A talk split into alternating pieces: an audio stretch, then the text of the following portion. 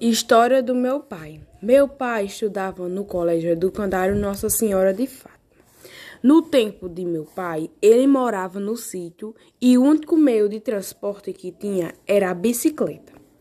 Quando chegava ao período de chuva, ele ficava na casa da tia dele, em São João do Rio do Peixe.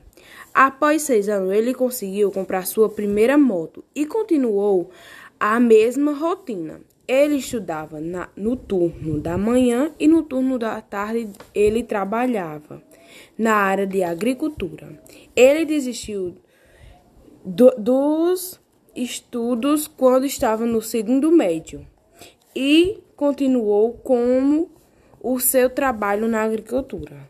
Hoje, nesse ano de 2021, ele voltou a estudar, fazendo EDIA no Colégio Ministro José Américo de Almeida e continuou com seu trabalho na agricultura e sendo vereador em Santa Helena PB.